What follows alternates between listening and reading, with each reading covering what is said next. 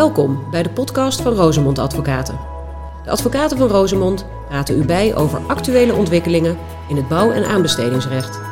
Zij doen dit aan de hand van jurisprudentie, regelgeving en praktijkervaringen. Maar dit is een podcast voor onze gewaardeerde cliënten. En dan breken wij alle wetten van wat wel en niet dan is. Vandaag luistert u naar Daan Versteeg en Thomas de Leeuwen. Hadi Thomas, Goedemorgen Daan. daar zitten we weer. Ja, met gevaar voor eigen leven. Maar gepaste afstand, hè? Anderhalve meter. Ik denk dat we dat net redden. Ja, laten we er geen romma tussen leggen, maar we komen een heel eind. Ik denk het ook. Toch leuk, Thomas. Wij zijn toch, ik denk dat we toch wel mogen zeggen, de godfathers van deze podcast. Dan geef je mij te veel eer hoor. Het is wel eh, jouw kindje denk ik. Maar Eh, ki- Kindje wellicht, maar hoeveel mails van luisteraars we niet hebben gekregen met zou je niet weer eens de oude opstelling doen waar de chemie eh, er vanaf spatte. nou, die, die gebeden zijn verhoord en daar zitten we weer. Eh, Thomas, heb jij iets moois bouwsrechtelijks? de vorige podcast die jij hebt opgenomen met, eh, met Arno en Rob. Dat was natuurlijk een eh, corona special. En ik denk niet dat we dat nog een keer moeten gaan doen. En bovendien, ik weet niet hoe het met jou zit, maar ik kan het woord corona onderhand niet meer horen of zien. Ik vind dat je het nu al drie keer te veel gezegd hebt. Ja, ik sla tegenwoordig met de grootst mogelijke tegenstand in de zaak. Sla ik nog wel eens een krant open. Maar dat doe ik eigenlijk ook steeds minder. Omdat ik helemaal depressief word van, dat, van alle negatieve berichten. Talkshows niet te doen. Ja, ik zou eigenlijk ook als regel willen voorstellen dat we vandaag het woord corona allebei maximaal vijf keer mogen gebruiken. Nou, dus, daar ben je hard bezig. En eh, ja, ik, ik heb nog twee keer. En dan moeten we eigenlijk ook zo'n halsband omdoen dat als we het vaker dan vijf keer zeggen dat we schok krijgen, weet je wel. Dat, dat werkt denk ik het beste. Dus aan de ene kant, ik ben een beetje moe eh, van dat virus. Eh, aan de andere kant, ja, vond ik het ook een beetje vreemd om nou eh, gewoon maar te doen alsof er verder niks aan de hand is en een willekeurige uitspraak te bespreken. Dus ik heb gekozen voor een tussenoplossing. Een aantal opmerkingen over een onderwerp wat eh, de komende tijd vast op eh, een hoop eh, hernieuwde belangstelling kan rekenen. Namelijk de onvoorziene CQ kostenverhogende omstandigheden. Kijk, kijk, kijk. Dan maken we het in ieder geval praktisch. Ja. En de aannemers die het ook niet makkelijk hebben in deze tijd, ga jij hopelijk wat handvatten geven om er niet al te slecht uit de strijd te komen. Ik zal in ieder geval een aantal voorbeelden geven van, eh, van wat, eh, wat onvoorziene omstandigheden uit jurisprudentie. Want inderdaad, je ziet gewoon, dat hebben we ook in onze praktijk al gemerkt, dat nu toch wel vaak de vraag ontstaat, is dit nou een onvoorziene omstandigheid? Is het een overmachtssituatie? Dus inderdaad een aantal voorbeelden van dergelijke omstandigheden. En ik sluit dan af met een eh, voorbeeld uit onze eigen praktijk. Je weet, het is natuurlijk altijd een beetje faux pas Ja. als je een artikeltje schrijft om een eigen zaak te bespreken. Maar dit is een podcast voor onze gewaardeerde cliënten. En dan breken wij alle wetten van wat wel en niet dan is. Daarom, wij doen dat gewoon, wij, wij- dat bepalen we zelf wat we doen. Dus tot slot, dus eh, een korte bespreking van die zaak, waarin het scheidsgerecht, dienstdoende scheidsgerecht uiteindelijk eh, tot onze nou, opluchting, mag ik toch wel zeggen, tot de conclusie was dat ook in die zaak sprake was van een onvoorziene Kijk, omstandigheid. in de pre, je weet wel tijd. Dus Thomas, steek van wal.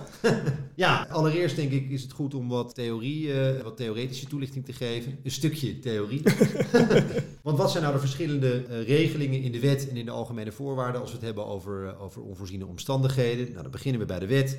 Artikel 6, 258 van boek 6. Eh, eigenlijk is dat een nadere uitwerking van artikel 6, 248 lid 2. De zogenaamde derogerende werking van de redelijkheid en billijkheid. Eh, maar de wetgever vond het wenselijk dat er, eh, dat er toch een aparte bepaling voor die onvoorziene omstandigheden in het leven geroepen werd. En wat staat er nou in in die bepaling? Daar staat in dat de rechter op verzoek van een partij bij een overeenkomst ofwel de gevolgen van die overeenkomst kan wijzigen, ofwel die overeenkomst al dan niet gedeeltelijk kan ontbinden. En wanneer kan dat dan? Als sprake is van onvoorziene omstandigheden van die aard dat de wederpartij ongewijzigd de instandhouding van die overeenkomst naar maatstaven van redelijkheid en billijkheid niet kan verlangen. Interessantste vraag is eigenlijk dan, wat is dan onvoorzien in deze zin? En wat belangrijk is om daarbij te vermelden is dat eh, het niet gaat om de voorzienbaarheid eh, van die omstandigheid. eh, maar het gaat erom of partijen die omstandigheid verdisconteerd hebben in de overeenkomst. Dus even vertaald naar de huidige situatie. Stel je nou voor dat twee partijen medio maart een aannemingsovereenkomst gesloten Ja. hebben. eh, en daarbij eh, de mogelijkheid dat dat, dat, dat virus eh, geen enkele ja, disruptieve werking zou hebben op, op de uitvoering van dat werk. Ja. Dat, ze, dat ze daar totaal geen rekening mee hebben gehouden dan heeft de aannemer in theorie toch nog wel kans om zich te beroepen op onvoorziene Ja. omstandigheden. En wat het gaat erom, hebben partijen voorzien. Hebben er iets mee in die gedaan. Ja, dus dat is eigenlijk dat is de maatstaf. Het is een, het is een, een subjectieve maatstaf eigenlijk. Dat is wat er in de wet staat, artikel 6 258. En het is misschien ook wel even goed om stil te staan bij de verhouding tussen enerzijds die onvoorziene omstandigheden en anderzijds overmacht. Hè. Want Ja. wat ik net al zei, wij krijgen de vraag, is dit overmacht, is dit een onvoorziene omstandigheid? Er zit overlap tussen die twee, in die zin dat een onvoorziene omstandigheid ook een overmachtssituatie kan opleveren. Ja. Maar een beroep op overmacht is alleen mogelijk als een schuldenaar, bijvoorbeeld een aannemer, niet aan zijn verplichtingen kan voldoen. In het geheel niet. En dat is bij een onvoorziene omstandigheid, zeker in de bouw, niet, lang niet altijd het geval. Denk aan de, eh, zeg maar de prijsstijgingen van grondstoffen. Dat is eigenlijk het standaard voorbeeld van onvoorziene of kostenverhogende omstandigheden in de bouw. Maar is nog geen overmacht. Nee, want je kan het werk wel gewoon uitvoeren. Hè? Alleen het kost je gewoon veel Ja. meer geld als aannemer. Dus eh, dan kun je je niet beroepen op overmacht. Maar gelukkig wel op onvoorziene omstandigheden. Dus die wettelijke regeling had eigenlijk een beetje de scherpe randjes van de overmachtregeling af, zou je En natuurlijk zeggen. ook in de effecten dan natuurlijk, want eh, overmacht eh, leidt ook helemaal niet toe dat die aannemer dan in één keer meer geld betaald krijgt. Nou, je maait het gras voor mijn voeten weg. ja, ik laat, weten dat ik er ook nog iets van weet. Eh, helemaal waar, want beroep op overmacht is vaak eigenlijk een beroep op een gestelde wanprestatie. Dus Ja. eh, je wordt als, als, als aannemer wordt je in gebreken gesteld en je zegt van ja, dit is een overmachtssituatie. Ik kan als gevolg van een pandemie kan ik niet voldoen aan mijn contractuele verplichtingen. Maar een tekortkoming niet toerekenbaar. ja, dus, Ja. dus je zit nog steeds in die sfeer. Maar als je je beroept op onvoorziene omstandigheden, kun je natuurlijk bijvoorbeeld vragen om termijnsverlenging. Want je kan de, de rechter vragen om in te grijpen in de overeenkomst. En inderdaad, wat jij zegt, je kan misschien ook wel vragen om een, om een financiële tegemoetkoming. En dat kan natuurlijk niet als je je beroept op overmacht. Dan, ja, het enige wat dan is dat die eh, tekortkoming niet toerekenbaar is als, je, als het beroep op overmacht slaagt. Dus Wat voor de opdrachtgever natuurlijk ook weer prettig is. Hè? Want in de een kost het meer tijd of meer geld. En Ja. de andere is die gewoon, eh, gaat het werk gewoon niet door. En daar Ja. is ook niemand bij gebaat. ja, dat klopt. Ja, dus er zitten echt wel relevante verschillen tussen. Maar er zit wel een mate van overlap in, inderdaad. Maar volgens mij is het ook een volksmond dingetje. Want ik heb nooit zo vaak de term act of God gehoord als de afgelopen weken. Nee, dat klopt. Ik denk dat we die ook tot, tot maximaal vijf keer mogen benoemen vandaag. Misschien wel drie. En omdat iedereen dat zo koppelt aan overmacht, zit iedereen gelijk in die hoek te, te, te vissen. Ja, maar iedereen bedoelt eigenlijk hetzelfde. Ja. Ja, En, en, en dus eh, goed, Thomas, dat jij gelijk door die eh, waan van de dag heen prikt. en gaat naar het artikel waar we echt, echt een beroep op moeten doen. Nou, weet ik nog uit mijn studententijd, redelijkheid en billijkheid, dat zette je zo'n beetje in elk briefje naar je huisbaas. En ik weet ook nog uit de studententijd dat je dat in elke pleitoefening aanvoerde, want het kon zo'n beetje overal geroepen worden. ja, En toen kwam ik op een advocatenkantoor en het eerste wat mijn patroon me leerde is... als je echt niks beters te roepen hebt, dan pas redelijkheid en billijkheid... en liever dan gewoon die zaak niet doen. ja, Maar Thomas, jij ziet toch wel zaken als eh, redelijkheid en billijkheid... in één bepaling staat met onvoorzienbaarheid. Ja, ik wil niet zeggen dat het altijd een, een, een kansrijk beroep is, een beroep op artikel 6 258. Want we kennen dat ook nog van de laatste crisis, hè, de grootste, Ja. grote crisis die we gehad hebben. Waarin je met name zag dat eh, bijvoorbeeld bij grondtransacties eh, vaak een beroep Ja, de werd gedaan. bankencrisis. eh, Ja, bedoel je? de bankencrisis. Ja. daar werd vaak een beroep gedaan op artikel 6 258. En daar was over het algemeen de, de burgerlijke rechter vrij onverbiddelijk. Die zei van nee, dit hoort gewoon bij je ondernemersrisico. Hè. Als je, veel ontwikkelaars deden een beroep op die bepaling. Over het algemeen werden die beroepen gewoon, er werd korte metten meegemaakt eigenlijk. Dus, dus ik denk, hè, in het algemeen kun je zeggen dat een beroep op onvoorziene omstandigheden doorgaans niet slaagt. Maar ja, daarom is juist zo'n interessante vraag, wanneer slaagt het dan wel? Hè? Ja, want dat is wel grappig, want eigenlijk hoor ik alle advocaten om me heen... die hierover praten, zeggen nou, nou, hier hebben we er eentje. Nu gaat dat wel gebeuren. Ja, En tegelijkertijd bij de financiële crisis eh, was het, eh, waar, waren mensen al sceptisch als het werd aangevoerd. En inderdaad, precies zoals je zegt, overal eh, werd het afgewezen. ja. Wat maakt hem deze keer zo anders? Nou, ik denk... Dat we denken, of, of gaan we straks gewoon alle rechters niet zien afwijzen? Ik- Het zou me verbazen hoor, maar Ja, dat, dat, zou ik ook, dat vind ik ook heel interessant. Want we gaan natuurlijk inderdaad heel veel jurisprudentie hierover zien. Wat volgens mij in, die, in de jurisprudentie waar ik het net over had, na de bankencrisis, en de, de gevolgen van die crisis, daarvan zou je nog kunnen zeggen dat die destijds nog binnen het ondernemersrisico vielen. Die waren denk ik minder heftig dan wat zich nu gaat voordoen. Ja. Dat, dat idee heb ik. En ik denk dat dat het met name het feit dat het zo ingrijpend gaat worden, dat, dat maakt het misschien wel veel opmerkelijker dan, dan de bankencrisis die we gehad hebben destijds. ja, dat is grappig hè, want het criterium is dus de voorzienbaarheid. Ja, Maar het, eigenlijk is het effect van de act of God, twee, die zich voordoet, heeft eigenlijk meer invloed op het criterium als het ware. Ja, want kijk, bedoel, als zich een onvoorziene omstandigheid voordoet die geen gevolgen heeft, hè, dan maakt het niks uit. Nee. En dat zit natuurlijk ook in die, die- dat subjectieve element wat jij net benoemt. Heb je er rekening mee gehouden in je overeenkomst? En, en, en ja, niemand heeft er rekening mee gehouden dat je niet eens meer naar een rechter kan om je gelijk te halen als de rechtbank bijvoorbeeld dicht is. Ja, ja precies. Ook nog een interessant eh, punt. Nou, zal je ook bij de rechters een beetje tussen de oren zitten dat dit wel een dingetje is. Ja, Ja. ja. dat denk Ja. ik ook. Dat denk ik ook. Ja. Dus het is heel interessant om te zien hoe dat zich de komende tijd ontwikkelt. Wat ook nog goed is om op te merken, artikel 658 is een dwingend rechtelijke bepaling. Je kan er niet van afwijken. Maar wat je natuurlijk wel kan doen, denk ik, je kan natuurlijk wel juist een heleboel omstandigheden in die overeenkomst benoemen die je sluit. Ja. En dat zie je ook vaak bij anglo-saxische contracten. Ja. Dan zie je vaak een heel lijstje met inderdaad de door jou zojuist genoemde acts of God. Alle mogelijke menselijke en natuurlijke rampspoed wordt dan opgesomd in één bepaling. Natuurrampen, hongersnoden, rellen, oorlog, terrorisme. Ja, als je daar een bepaling voor opneemt, dan zijn die omstandigheden daarmee per definitie al niet meer onvoorzien. Dus, eh, En in dus- Nederlandse contracten zie je het vaak met stakingen en zo. Hè? Die zie je altijd wel weggecontracteerd worden. Ja. ja, maar over het algemeen die, die, die, die bepalingen die wel eens in die, in die anglo-saxische contracten zitten, die zie je in bijvoorbeeld in, in Nederlandse bouw, bouwcontracten, in aannemerscontracten, zie je, is mijn ervaring niet zo heel veel terug. Maar Nee, nee, Rob kwam wel eh, laatst met een voorbeeld aan van een, eh, een niet nader te noemen nutsbedrijf. Ik geloof dat het in Arnhem is gevestigd. En die hadden wel echt een, een bepaling eh, op het schofterige af waarin ze ook eh, natuurrampen opzomden. Ik zou die mensen graag nog een keer de gidsproportionaliteit willen toezenden.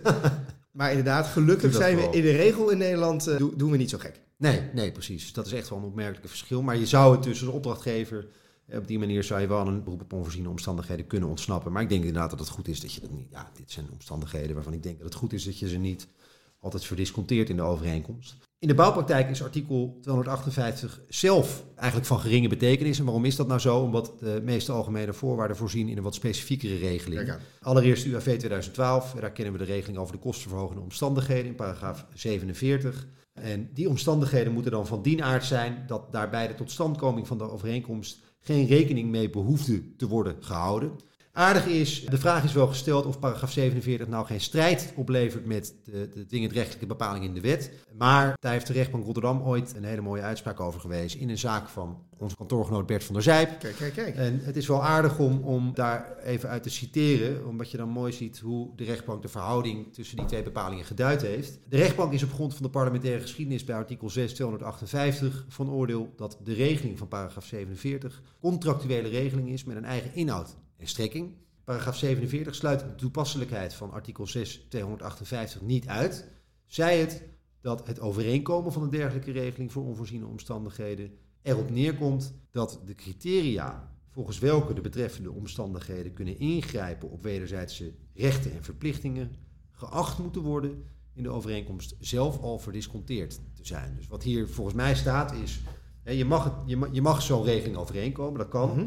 eh, maar dat betekent wel dat de manier waarop die onvoorziene omstandigheid in kwestie ingrijpt in de overeenkomst, dat je daar eigenlijk al afspraken over hebt gemaakt door in dit geval te contracteren op basis van de UAV. Maar kortom, die regelingen bestaan naast elkaar. En de een geeft een invulling aan de ander.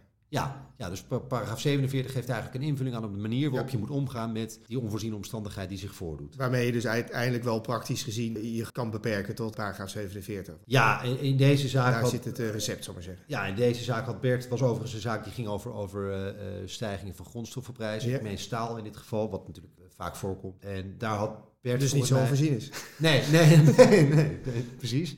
Daar had Bert een beroep gedaan, eh, primair volgens mij paragraaf 47 en subsidiair op, eh, op eh, artikel 6 258. En dit zei de rechtbank dus over Ja. de verhouding dus Nee, tussen die twee bepalingen. Overigens, die, die uitspraak is ook bekrachtigd door het Hof Den Haag in hoger beroep. Ja, er stond ook nog een andere aardige overweging in die uitspraak, die ook nog wel even de moeite waard Mhm. is. Omdat je dan mooi ziet hoe die rechtbank destijds tot dat oordeel gekomen is. Uit de ar- arbitrale jurisprudentie blij- blijkt dat paragraaf 47 veel minder terughoudend wordt toegepast dan artikel 658, dan ten aanzien van artikel 658 in de wetsgeschiedenis, literatuur en jurisprudentie wenselijk wordt geacht. De achtergrond hiervan is kennelijk dat de bouwpraktijk behoefte heeft aan een correctieregeling, zoals vervat in paragraaf 47. Bij gebreken van het bestaan van die correctiemogelijkheid zouden aannemers gedwongen zijn hogere risicoopslagen op hun geoffreerde prijzen toe te passen. Ja. Daardoor zouden opdrachtgevers in alle normale gevallen onnodig met hogere aannemingssommen worden geconfronteerd. En bovendien is niet onaannemelijk dat niet tegenstaande die hogere risicoopslagen het zich in een concreet geval daadwerkelijk realiseren van een risico, het zich voordoen van een in relatie tot het gehele aangenomen werk substantiële niet verdisconteerde kostenverhoging, alsnog tot het faillissement van de betreffende aannemer zou kunnen leiden. Ja, ik kan me toch niet aan de indruk onttrekken dat dit eigenlijk de woorden van Bert zijn. die- Ja, dit is echt Eh, een schitterende rechtsoverweging. ja, ja. Met andere woorden, de, de, de lat ligt, lijkt wat lager te liggen voor mij- op... eh, Kort en goed zegt hij gewoon, eh, in, in de bouw zijn dingen sneller onvoorzienbaar, want in de brouw- bouw is het nodig en wenselijk dat we de aannemer af en toe een zetje geven, want hij heeft het al zwaar genoeg. ja, dat is eigenlijk wat er staat. Ja. Ik kan het alleen maar onderschrijven. Ja, ja, ik ook. Dus aannemers beroepen zich niet mogelijk, zeker sinds deze uitspraak, denk ik, ook liever op paragraaf 47 dan op de wettelijke regeling. En tenslotte is er dan nog de UAVG, zijn er dan nog de UAVGC. En in de UAVGC staat uh, wel een bepaling waarin met zoveel woorden gesproken wordt over een onvoorziene, mm -hmm. kostenverhogende omstandigheid. Namelijk paragraaf 44 lid 1 sub C. Daar zal ik dus zo direct nog wat over zeggen. En wat zijn nou aardige voorbeelden van die kostenverhogende omstandigheden in de zin van paragraaf 47. Nou, allereerst natuurlijk die stijgingen van grondstoffenprijzen. Ja. Uh, dat is een onderwerp wat eigenlijk heel regelmatig terugkeert. Hè, daar ging die zaak van Bert ook over. Ik moet zeggen dat ik dat niet zo'n interessant onderwerp vind voor deze podcast, omdat ik dat toch omstandigheden vind van een andere orde dan waar we nu mee te maken hebben. Ja. een ander voorbeeld, dat zijn de eerste en tweede oliecrisis. ook dat waren, waren onvoorziene omstandigheden. Ja, wat wel aardig is, bij die, bij die tweede oliecrisis zag je trouwens dat deden aannemers ook weer een beroep op onvoorziene omstandigheden. En wat je dan zag, is dat de opdrachtgever vaak zei van ja, de eerste oliecrisis die hebben we zes jaar geleden gehad. Hè? Moet je er dan niet op bedacht zijn dat er misschien ooit nog, zodra zich weer onrust voert in het Midden-Oosten, dat er een ja. tweede komt. En? en, en daarvan zei de raad, nee, dat, hè, het enkele feit dat iets eerder gebeurd is, betekent niet dat je er voor altijd rekening mee moet houden in de dat is toekomst. mooi, dus de volgende pandemie kunnen we gewoon weer... Ja, kunnen we gewoon zeggen van ja... Dat, Mits uh, ander virus. ja, ja, ja, dat denk ik wel. Dus dat was wel aardig. Maar ook los daarvan heb ik een aantal leuke voorbeelden kunnen vinden. Allereerst een uitspraak uit uh, 1981 van de Raad. Dat was een aannemer die een grondwerk had aangenomen... en die moest de daarvoor benodigde materialen per schip laten aanvoeren over de Rijn. Mm -hmm. Maar in 1976 uh, waren de waterstanden in de Rijn kennelijk zo laag... dat de scheepvaart te maken kreeg met hele hoge laagwatertoeslagen... Uh, en dat leidde voor, een aannemer, voor die aannemer tot een gigantische kostenstijging. En de aannemer deed uh, een beroep op paragraaf, paragraaf 47 in die situatie. Het is wel aardig om even te citeren wat het scheidsgericht daarvan vond. Dat arbiters uit de tussen partijen onbetwist vaststaande gegevens van waterstanden en tijdstuur door, door eisen hebben laten berekenen hoe hoog de kosten van de laagwatertoeslag zouden zijn geweest in, in de maanden mei tot en met oktober van elk der jaren 1900 tot en met 1975. En dat arbiters van oordeel zijn dat het kostenpeil van de laagwatertoeslagen, dat in 95% van de beschouwende jaren niet is bereikt, als zodanig abnormaal moet worden beschouwd dat de aannemer daarop niet behoefde te rekenen. Dus dat is hoe zie, zie je dus ook weer dat het mate van het effect en, en, en de voorzienbaarheid, het blijft een combinatie steeds. Ja, ja. Blijft, dat zie je ook inderdaad hier weer, weer mooi terug. Later in de jaren 90 waren die waterstanden kennelijk weer een keer heel laag. En ook toen konden aannemers zich met succes op paragraaf 47 beroepen. En dan keert wederom die, die 95%-norm ja. keert dan terug. Dus men gaat kijken van hè, ja. over de afgelopen 80 jaar hoe vaak heeft deze situatie zich voorgedaan. En uh, nou ja, daarbij is het kantelpunt kennelijk gelegd op 95 procent. Hetzelfde. Die, die kon wel eens gaan draaien, denk ik. Hè? Volgens mij is het op dit moment elk jaar dat, we vieren. Dat is iets heel interessants, want ik, ik, daar zat ik ook over na te denken toen ik deze uitspraken las. We, we, we houden allemaal rekening met klimaatverandering, ja. de een meer dan de ander. Maar als we 97% van de klimaatwetenschappers moeten geloven, hè, dan... Schijnt er wel iets aan de hand te zijn, ja. Schijnt er iets aan de hand te zijn. En dan gaan we daar de komende decennia ook al wel de gevolgen van merken. Dan is ook de vraag of een scheidsrecht dan nog gaat letten op de afgelopen 100 jaar. Ja. De vraag is dan natuurlijk van ja, oké, okay, als we dit de afgelopen 20 jaar. Uh, dus, uh, ieder jaar breken we weer een temperatuurrecord, een uh, warmste dagrecord. En, uh, ja, dus ik denk dat dat wel, ja. dat, hè, dus die 95 procent, ja, binnenkort zul je misschien zien, of in de komende decennia zul je misschien zien dat daar een, iets anders voor in de plaats komt. Wordt fors verlet wordt onvoorzien. Ja, fors verlet wordt onvoorzien straks. Ja, dat denk ik ook, ja. Ja, nee, dus dat is. Maar het grappige is, je zag hem ook terugkeren in een andere uitspraak. waarin gedurende langere tijd kennelijk sprake is geweest van een van, ja, extreme regenval. Mm -hmm. En daarin zag je ook weer dat de raad keek van hé, hoe vaak heeft zo'n situatie zich voorgedaan in de afgelopen 100 jaar. En dan komen ze ook weer met die 95% eis. Dus dat leidt. Dat 95 lijkt een soort, is toch wel een handvat. Dat lijkt een soort dat lijkt een soort eigen leven te zijn gaan leiden. Dus dat is wel een tip voor de luisteraar. Zorg voor je, voor je statistiekjes op orde hebben. En, en zorg dat je uh, onder de vijf, of boven de 95 procent. Ja, maar dit zijn dus situaties waarin sprake was van kostenverhogende omstandigheden. Mm -hmm. In de zin van paragraaf 47. En dan is het wellicht aardig om even stil te staan bij die zaak die wij hier op kantoor gedaan hebben. Dat is een zaak die Rob en ik hebben gedaan. En die ging over de vernieuwing van de Wilhelmina-sluis in Zaandam. Ja. En voor wie we dus heeft meegedaan aan de Dam tot Damloop, uh, vlak voor de finish loop je eroverheen. En wat was er aan de hand? Uh, aan de aannemer in kwestie was gegund uh, een opdracht om de nieuwe Wilhelmina-sluis te ontwerpen en vervolgens te gaan bouwen. En de aannemer moest dat doen op basis van een vraagspecificatie. Die moest worden uitgewerkt tot een VO, DO en UO. En daarbij was de aannemer uiteraard gebonden aan de eisen in de vraagspecificatie. En een van die eisen, eisen die luidde dat alle onderdelen van de oude sluis die hun functionaliteit zouden verliezen, dat die verwijderd moesten worden. Mm -hmm. En een andere eis was uh, enigszins vanzelfsprekend wellicht dat het nieuwe sluiscomplex een, een constructief zelfstandig geheel moest worden. En die sluis die bestond uit verschillende onderdelen, onder andere de zogenaamde kolkwanden. Nou, dat wist ik destijds ook niet, maar sinds die zaak... Zo, hoezo ook? De, de kolkwanden zijn de wanden van de sluis. Oh.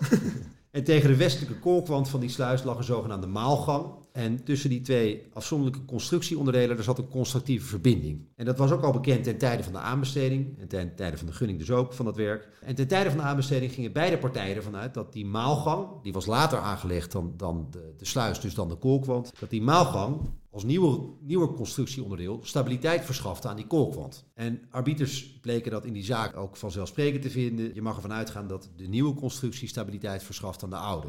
Klinkt logisch. Je wist dat er een constructieve verbinding was en dan ga je er vanzelfsprekend vanuit dat nieuw-oud... Nieuw een ster sterker onderdeel is. Ja, en dat zou dus betekenen dat je, dat, dat je die kolkwand, die onderdeel is van de sluis, dat je die dan zonder problemen kan verwijderen. Maar na de gunning heeft de aannemer in kwestie heel uitgebreid archiefonderzoek gedaan. Uh, en op basis daarvan kwam die aannemer erachter dat het andersom was. En dat die kolkwand stabiliteit verschafte aan de maalgang. En dat betekende dus dat je die... Uh, niet zomaar weg kon halen. Dat je die kolkwand niet zomaar weg kon halen. Dus dat had verstrekkende consequenties, want dat leidde tot een veel complexer ontwerp. Er ontstond discussie over, over uh, deze, dit, dit probleem. En dat leidde tot een enorme vertraging en dus vertragingskosten, vertragingsschade. En uiteindelijk dus, dus tot een discussie bij de Raad. En in die, in die, die, die procedure hebben wij namens de aannemer beroep gedaan verschillende bepalingen in de VGC. Allereerst op paragraaf 3 lid 1, hè, omdat de informatie van, de opdrachtgever, aan de, van de zijde van de opdrachtgever, ja, dat daar iets aan zou mankeren. Maar zei het scheidsgerecht uh, van ja, goed, dit, dit gaat om, hè, we hebben het hier over informatie die de opdrachtgever ook niet kende uh, ten tijde van de gunning. En daar, dan, dan komen we niet in een, in een paragraaf 3 situatie terecht. Hè, dus dat beroep slaagt niet.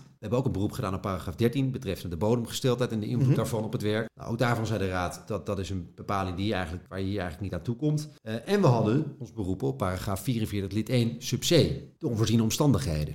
En uiteindelijk hebben arbiters beroep op die bepaling, godzijdank natuurlijk, gehonoreerd. arbiters zeiden, partijen zijn hier beide uitgegaan van een onjuiste uh, veronderstelling, namelijk mm-hmm. dat die maalgang eh, stabiliteit verschafte aan die westelijke kolkwand. En na de gunning bleek dat dat niet zo was, want dat was eigenlijk dus onvoorzien. Ja. En wat je hier merkte was dat de UAVGC eigenlijk, dat daarin een bepaling ontbreekt. De evenknie eigenlijk van paragraaf 29 lid 3 in de UAV. Hè, paragraaf 29 lid 3 in de UAV zegt, uh, op het moment dat de werkelijke toestand afwijkt van de ja. uh, toestand zoals omschreven in het bestek, geeft dat de aannemer aanspraak op bijbetaling. En zo'n bepaling zie je niet terug in de UAVGC. Dat is eigenlijk dus een soort species van de onvoorziene omstandigheden, zou je kunnen zeggen. Waarbij je dus ook een knip maakt tussen wat typisch externe is, zoals die waterstanden waar je het net over hebt, en ja. wat in het werk zelf onvoorzien is. Ja, precies. En dat ontbreekt dus in de UAVGC. En we zullen dus moeten afwachten nou ja, of in de, de nieuwe UAVGC, de herziene UAVGC, of daarin hè, wel zo'n bepaling gaat terugkeren. Zou je daarvoor pleiten? Nou, ik denk dat het wel, ik denk dat het goed is. Ja, kijk, ik bedoel, ik geloof ook dat Rob en Bert daar in een boekje voor gepleit hebben. Dat weet ik niet helemaal zeker of ze dat gedaan hebben, maar ik meen dat ze er in een artikel wel eens aandacht aan gewijd hebben en dat ze gezegd hebben van ja, het is misschien toch goed om daar, uh, om daar een voorziening voor op, een aparte voorziening voor op te nemen, net als in de UAV. Zullen we voor, bij hoge uitzondering Chris Jansen een exemplaar van de podcast toezenden dit keer? Lijkt me een goed idee. Ja. Lijkt me een goed idee. Terug naar, naar de huidige situatie. Jij zei het net eigenlijk al. Ik geloof dat ik nog één keer het woord corona mag zeggen. Dus dat doe ik dan bij deze. Is dit nou een, een onvoorziene omstandigheid? Ik denk ja, als dit er geen is, wat dan nog wel? Dat is eigenlijk hoe ik erover denk. Ik kan me niet voorstellen dat, dat er wordt gezegd van ja, dit is iets waar je rekening mee zou moeten houden. Wat wel interessant is overigens, bedacht ik me toen ik op de fiets hier naartoe zat. Ik hoorde jou een paar weken geleden ook zeggen. Ja, ik heb het al voorspeld. Uh, ik heb ooit gezegd, er komt nog eens een keer tijdens, geloof ik, een diner met kantoor, heb je dat, schijn je dat gezegd te hebben. Daar zijn meerdere getuigen van. Ja. Waarbij je op dit moment uh, ja, ja, soms bijna een beetje boos, omdat ik negatieve, de, de onheilsprofeet heb uitgehangen. Ja, nou ja, je hebt gelijk. Ik, ik, heb een pandemie aangekondigd. Je hebt gelijk ja. gekregen, wezen Bill Gates heeft, heeft het ge, ge, gedaan, gedaan daarna. Precies, dus dan kun je je afvragen, jij bent echt niet de enige die ik dat wel eens heb horen zeggen. Uh, dus in algemene zin zijn er kennelijk toch wel uh, mensen die daar rekening mee houden. Uh, ja, ja, ik ben het helemaal met je eens, want dat is precies wat je met die economische crisis was. Dat wel steeds het argument. Ja, economische crisis zijn er altijd. We hadden ook al de beurskracht ja. in 29. En dus je weet dat het komt, je weet alleen niet wanneer en hoe heftig. Nee. Maar dat is met pandemie natuurlijk net zo. Ja, ja, precies. Dus het lijkt er een beetje op dat men in algemene zin daar wel rekening mee houdt, maar ja, dat je hier gedragingen daar niet helemaal op afstemt. En uh, als aannemer ga je natuurlijk ook niet constant zitten nadenken van zou zich op afzienbare termijn een pandemie voordoen en is het dan wel verstandig om dit werk aan te nemen? Ik, bedoel, dat, ik snap ook wel dat het zo niet werkt. Dat maar... zou niet kunnen natuurlijk. Nee. nee. Maar daarom denk ik dat, dat wat jij in het begin terecht opmerkt, dat, dat het hem heel erg zit in de effecten die iets wat op zich, waarvan je weet dat het ooit een keer kan gebeuren, alleen je weet niet wanneer. Dat, hè, dat had ook een pandemie kunnen zijn waarmee we allemaal een weekje verkouden waren geweest en niet binnen hadden moeten blijven. Dat was natuurlijk een heel ander verhaal geweest. De Mexicaanse griep, ja. Om, ja, inderdaad.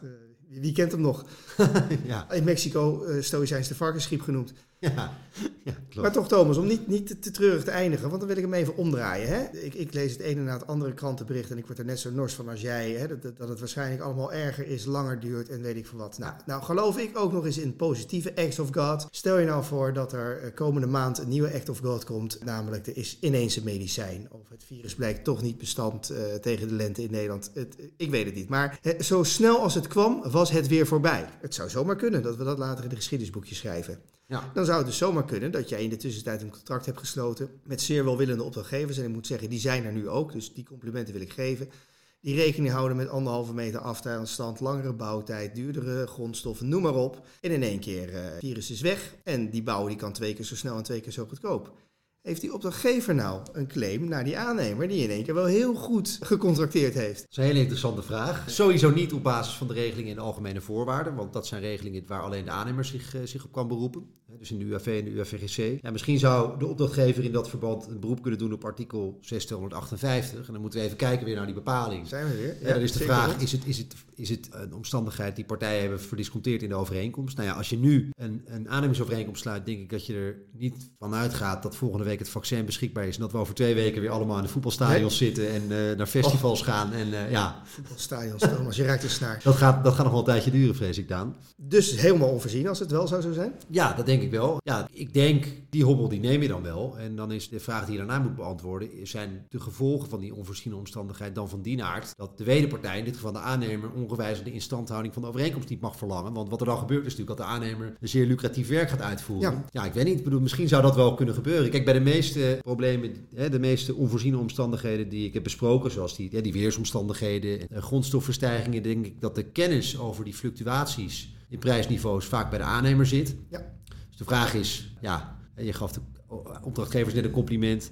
De vraag is of we in een spiegelbeeldige situatie aannemers straks ook dat compliment kunnen maken. En dat ze zeggen tegen hun opdrachtgevers, moet je luisteren. Dat vaccin wat er nu is, dat, uh, ja, dat betekent dat ik nu zo'n winstgevend werk aan het uitvoeren ben. Nee, ik, ik, vrees dat dit niet meer uh, aan, aan, de blik van de opdrachtgever kan ontsnappen natuurlijk. Als nee, we in één keer nee, dit is zo, dit is zo ballen op werk kunnen staan waar, uh, waar er anders maar vijf hadden kunnen staan. Ja, dus dit is zo'n duidelijk ja. voorbeeld daarvan. Dus ja, wie weet. Het is in ieder geval interessant om erover na te denken. Ik zou niet weten of, of dat zou slagen, maar ik zie ook niet, lijkt me ook niet een volstrekt kansloze exercitie. Nee, ik, uh, sterker nog, laten we hopen dat we hierover mogen procederen, Thomas. Laten we dat van harte hopen, Daan. Dankjewel, Thomas.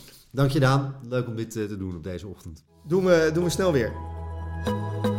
Dit was de podcast van Rosemond Advocaten. Leuk dat u luisterde. Heeft u vragen naar aanleiding van de podcast? Mail naar podcast.rosemond.nl of ga naar onze website waar u ook eerdere afleveringen vindt. www.rosemond.nl